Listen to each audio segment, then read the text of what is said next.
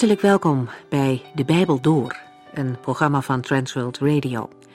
De Bijbel Door is een radioserie die u in vijf jaar meeneemt door de hele Bijbel. Van Genesis 1 tot Openbaring 22.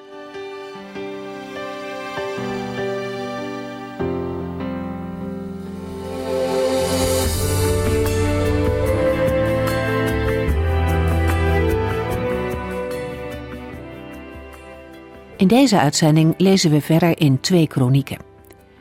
De eerste hoofdstukken van dit Bijbelboek gaan over koning Salomo.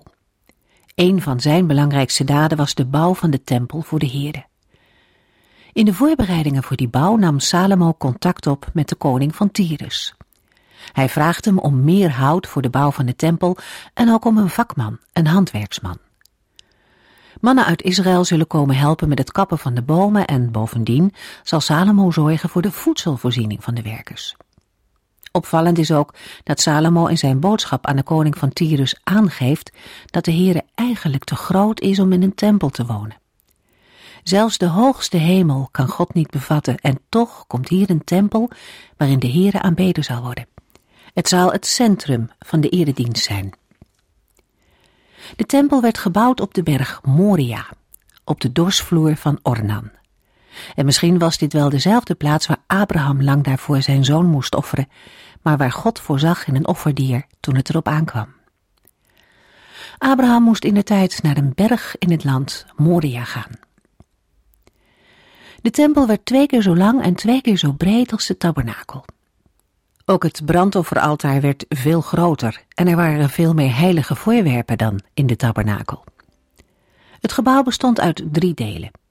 Een voorhal, een hoofdzaal en een achterzaal met het eigenlijke heiligdom. Een ander verschil met de tabernakel waren de twee koperen zuilen die vooraan stonden en de grote koperen zee op twaalf runderen en tien wasvaten. Toen alles klaar en ingericht was, kwam het hoogtepunt en werd de ark in de tempel gebracht. En daar lezen we meer over.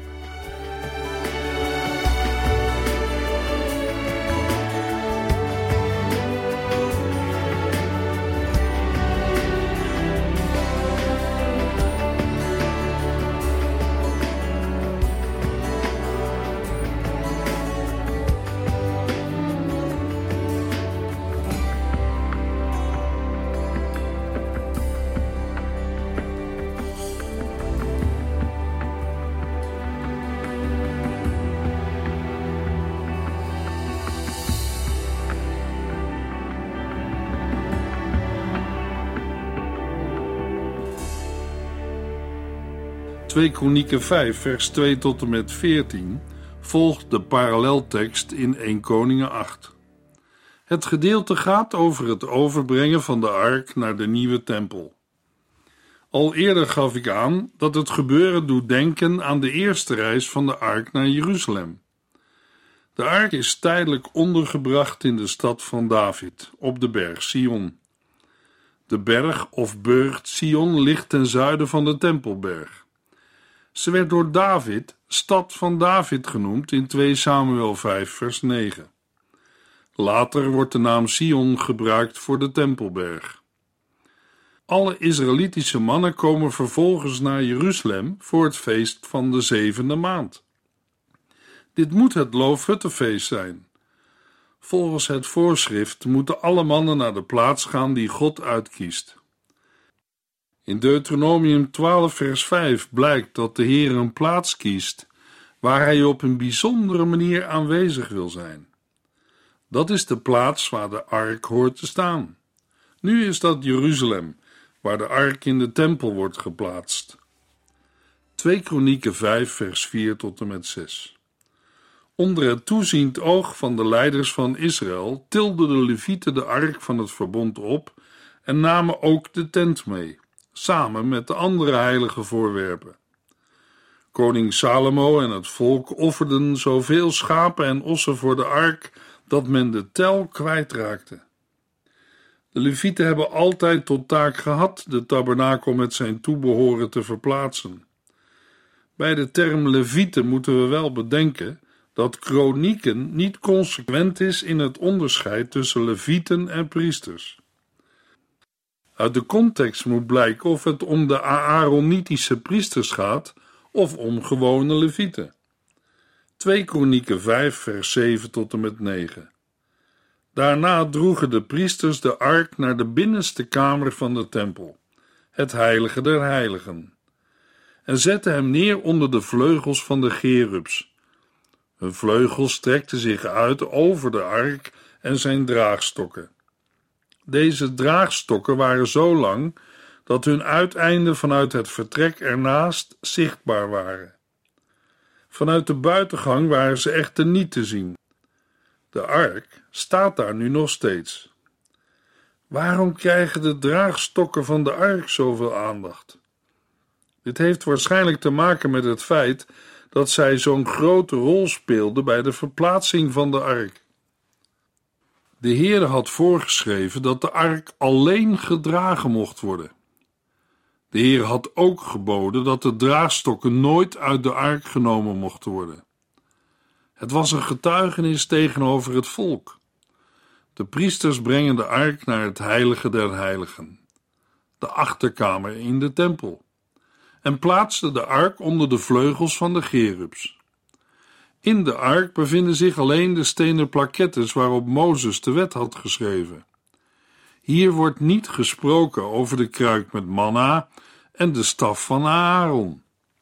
De wetten zijn de grondslag van het verbond dat de Heere heeft gesloten met het volk Israël toen het uit Egypte werd bevrijd. De ark heeft niet de functie van een godenbeeld, maar is de plaats waar de Heere en zijn volk elkaar ontmoeten. Indirect bereidt de auteur van Kronieken de lezer al voor op de verwoesting van de tempel. Als het verbond dat de Heere met Israël heeft gesloten door het volk wordt verbroken, zijn de verwoesting en verdwijning van de tempel met de ark een direct gevolg van de verbondsbreuk. Tijdens Pesach, Pinkster en het Loofhuttenfeest moesten de mannelijke Israëlieten ieder jaar voor de Here verschijnen. Nu de tempel klaar is en de ark geplaatst, zullen zij naar de tempel in Jeruzalem komen. Voor een nieuwtestamentische gelovige spreekt de ark van de Heer Jezus Christus. Het verzoendeksel bovenop de ark wijst naar zijn verzoeningswerk. Hij is het volmaakte offer voor de zonde. In Hebreeën 9, vers 26 lezen we: Maar nu, tegen het einde van de eeuwen, is hij eens en voor altijd gekomen om voor ons te sterven en de zonde weg te doen. Daarom kon Petrus in Handelingen 4, vers 12 zeggen: Er is bij niemand anders redding te vinden. Hij is de enige door wie de mensen gered kunnen worden. De heiland heeft aan het kruis geroepen dat alles volbracht is. Ik kan me voorstellen dat iemand vraagt: waar wachten we nu dan nog op? Of wat is de Heer Jezus nu nog aan het doen? De heiland zegt tegen zijn volgeling in Johannes 14, vers 2 en 3: Wees niet ongerust. Vertrouw op God en vertrouw ook op mij. In het huis van mijn vader zijn veel kamers. Als dat niet zo was, zou ik het jullie wel gezegd hebben. Ik ga er nu heen om alles voor jullie in orde te maken. Wanneer ik daarmee klaar ben, kom ik terug om jullie op te halen.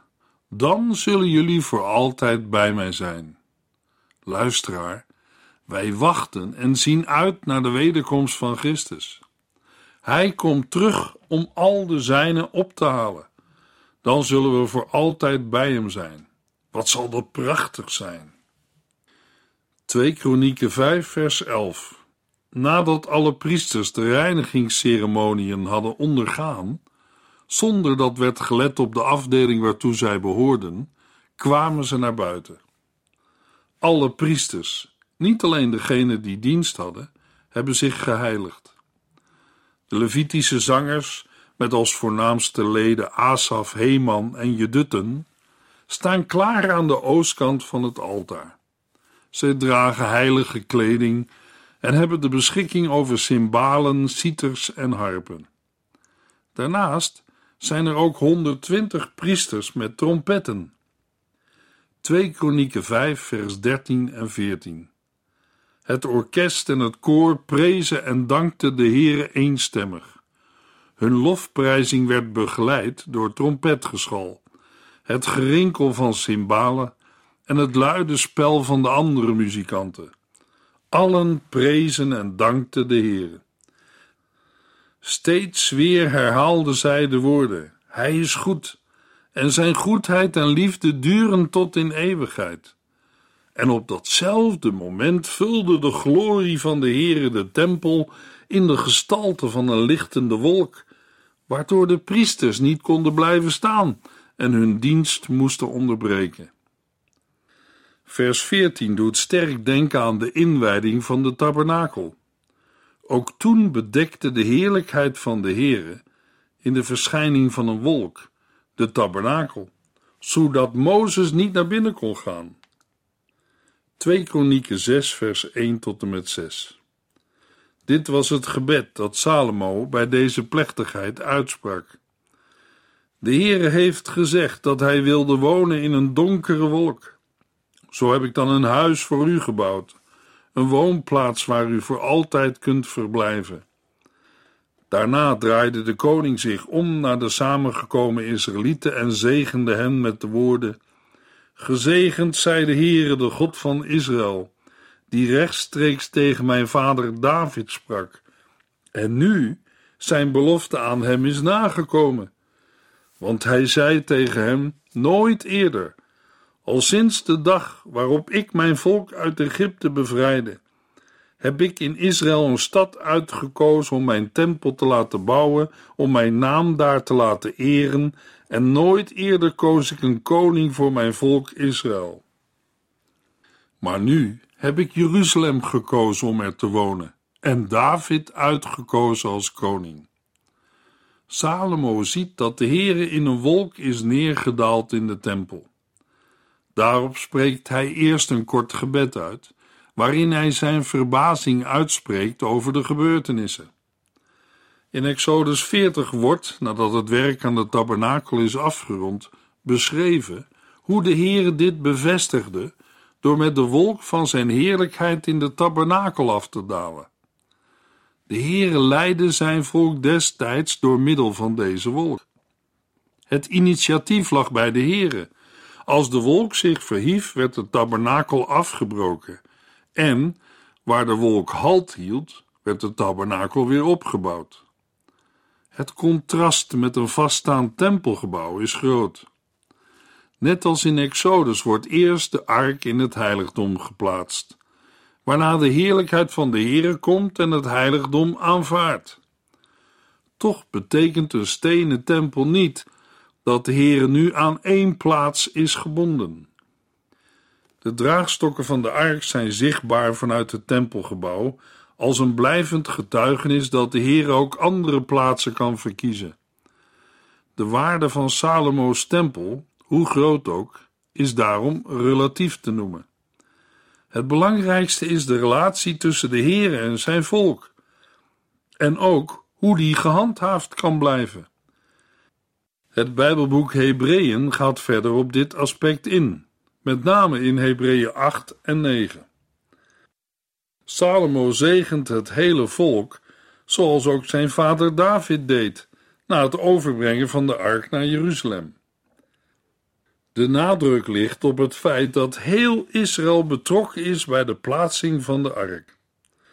Dat is ook belangrijk vanuit het perspectief van de schrijver die leefde na de scheuring van het rijk onder Jerobiam.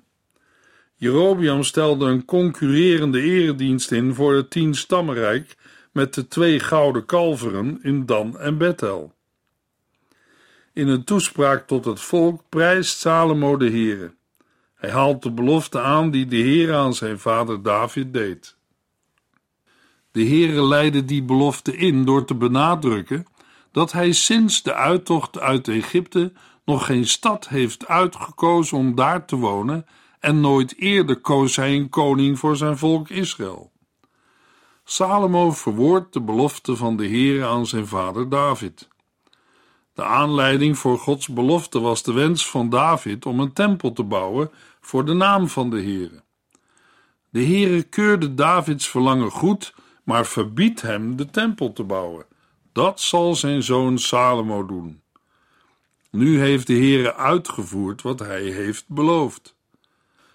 De les die we uit deze hele geschiedenis kunnen leren is het feit dat er bij ons mensen niet om moet gaan wat wij allemaal graag willen, maar wat de Heere wil dat u, jij en ik zullen doen. Dat wij op de plaats zijn die de Heere wil en doen waartoe hij u, jou en mij heeft uitgekozen. Natuurlijk kunnen en mogen daarbij onze wensen een rol spelen. Het leven van David heeft laten zien dat hij wel graag een tempel voor de Heere wilde bouwen, maar de Heere het hem niet heeft toegestaan. 2 Kronieken 6 vers 7 Het was de hartewens van mijn vader David deze tempel te bouwen, als een woonplaats voor de Heere, de God van Israël. Door de tempel te bouwen heeft Salomo de hartewens van zijn vader uitgevoerd.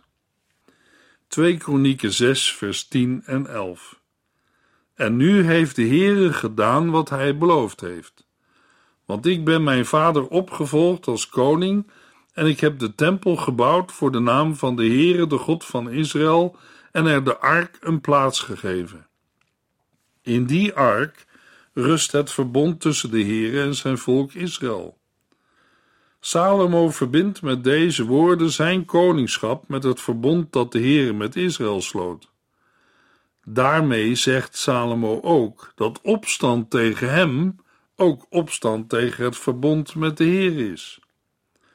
2 Kronieken 6 vers 12 en 13 Terwijl hij deze toespraak hield, stond koning Salomo op een verhoging midden in de buitenste voorhof voor het altaar van de Heere. Die verhoging was van koper, 2,25 meter in het vierkant en 1,35 meter hoog. Terwijl iedereen toekeek, knielde hij, spreidde zijn armen uit naar de hemel en sprak het volgende gebed uit. O Heere, God van Israël, er is geen God zoals u in de hele hemel of op aarde.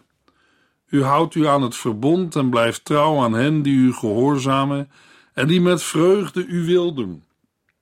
U bent uw belofte aan mijn vader David nagekomen, zoals vandaag blijkt. Salomo spreekt een lang gebed uit waarin hij de Heere smeekt hem als koning te ondersteunen en de tempel te aanvaarden als zijn woonplaats, door die te heiligen als plaats waar hij altijd luistert. Zijn gebed kan worden verdeeld in drie delen: een inleiding in de versen 14 tot en met 21, een middenstuk versen 22 tot en met 39, en een afsluiting, de versen 40 tot en met 42. De koning keert zich tot het altaar van de Heere. Hij knielt en spreidt zijn armen uit tijdens het gebed. Het geknield uitspreiden van zijn armen is typerend voor een oud-Oosters gebed. Deze gebedshouding is afgebeeld op een kruik, vermoedelijk uit de 8e eeuw voor Christus. Die is gevonden langs een karavaanroute. Heel het volk kan Salomo zien, omdat hij een bronzen podium voor deze gelegenheid heeft laten maken.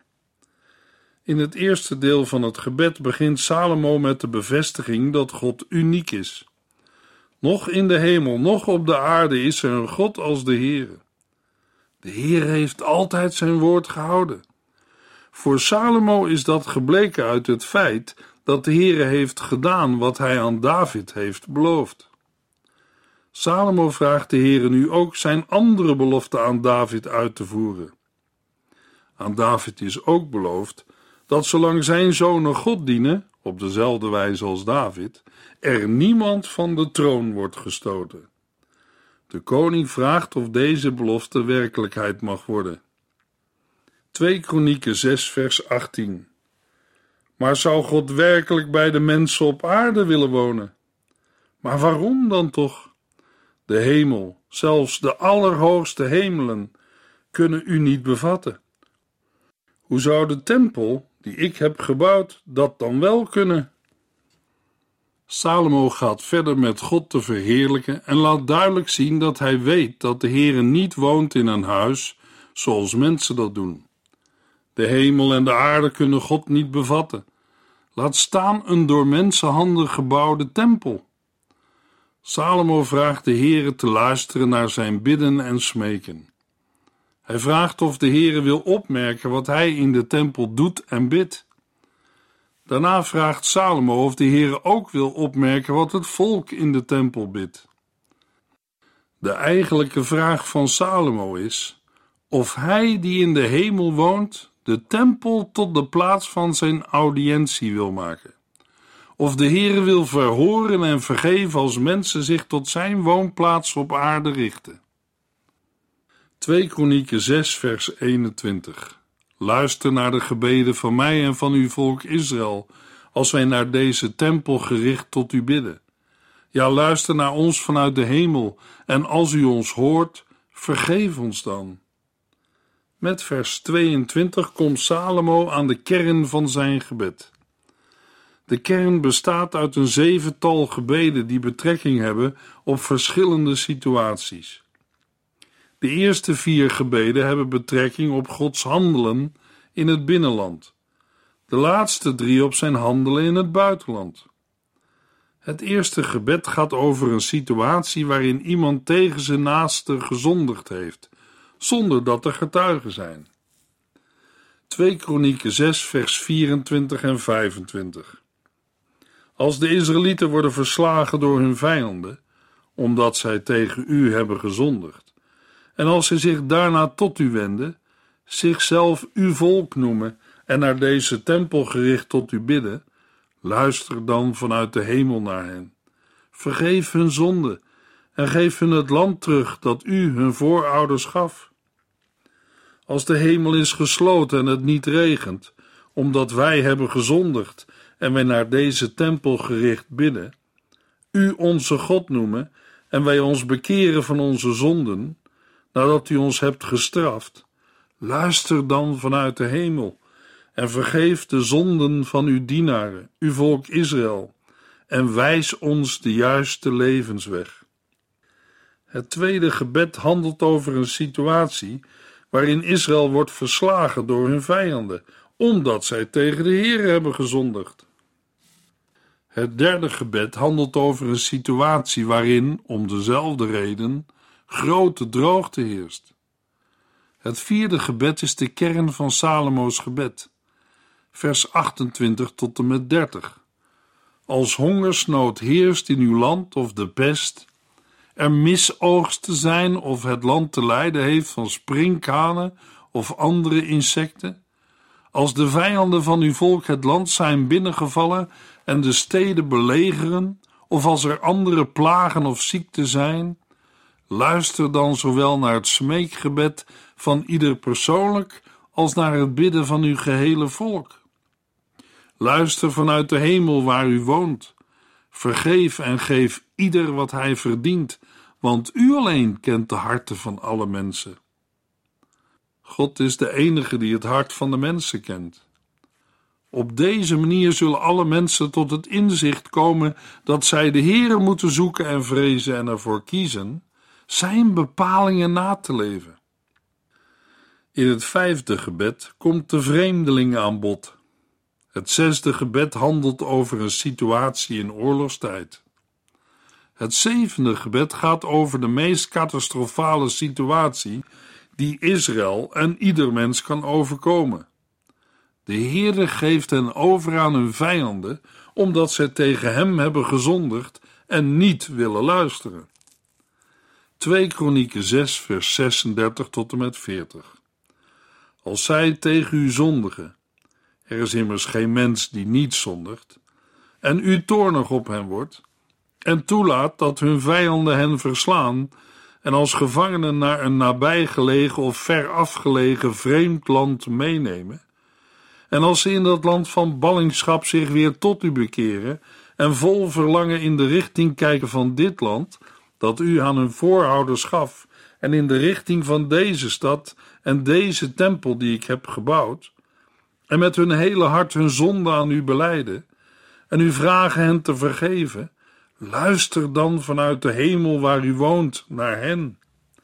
Help hen en vergeef uw volk dat tegen u heeft gezondigd. Ja, mijn God, houd uw ogen en oren geopend voor alle gebeden die vanuit deze plaats tot u worden gericht. Sta nu op, Heere God, en vestig u in deze rustplaats waar de ark van uw kracht al een plaats heeft gevonden. Laten uw priesters, heren, in heil gekleed gaan en laat uw vrienden zich verheugen over uw vriendelijke optreden. O Heere God, keer uw gezicht niet af van mij, uw gezalfde. Denk toch aan uw liefde voor David en de goedheid waarmee u hem hebt behandeld. Het gebed van Salomo bij de inwijding van de tempel is vooral een gebed van hoop. De eeuwige kiest ervoor te wonen in Israël en om daar aanspreekbaar te zijn. De tempel wordt zo de ontmoetingsplaats tussen hemel en aarde. Er is altijd de hoop dat, als het volk terugkeert naar de Here, er herstel plaats zal vinden. De aardse tempel is een afbeelding van het werkelijke heiligdom in de hemel.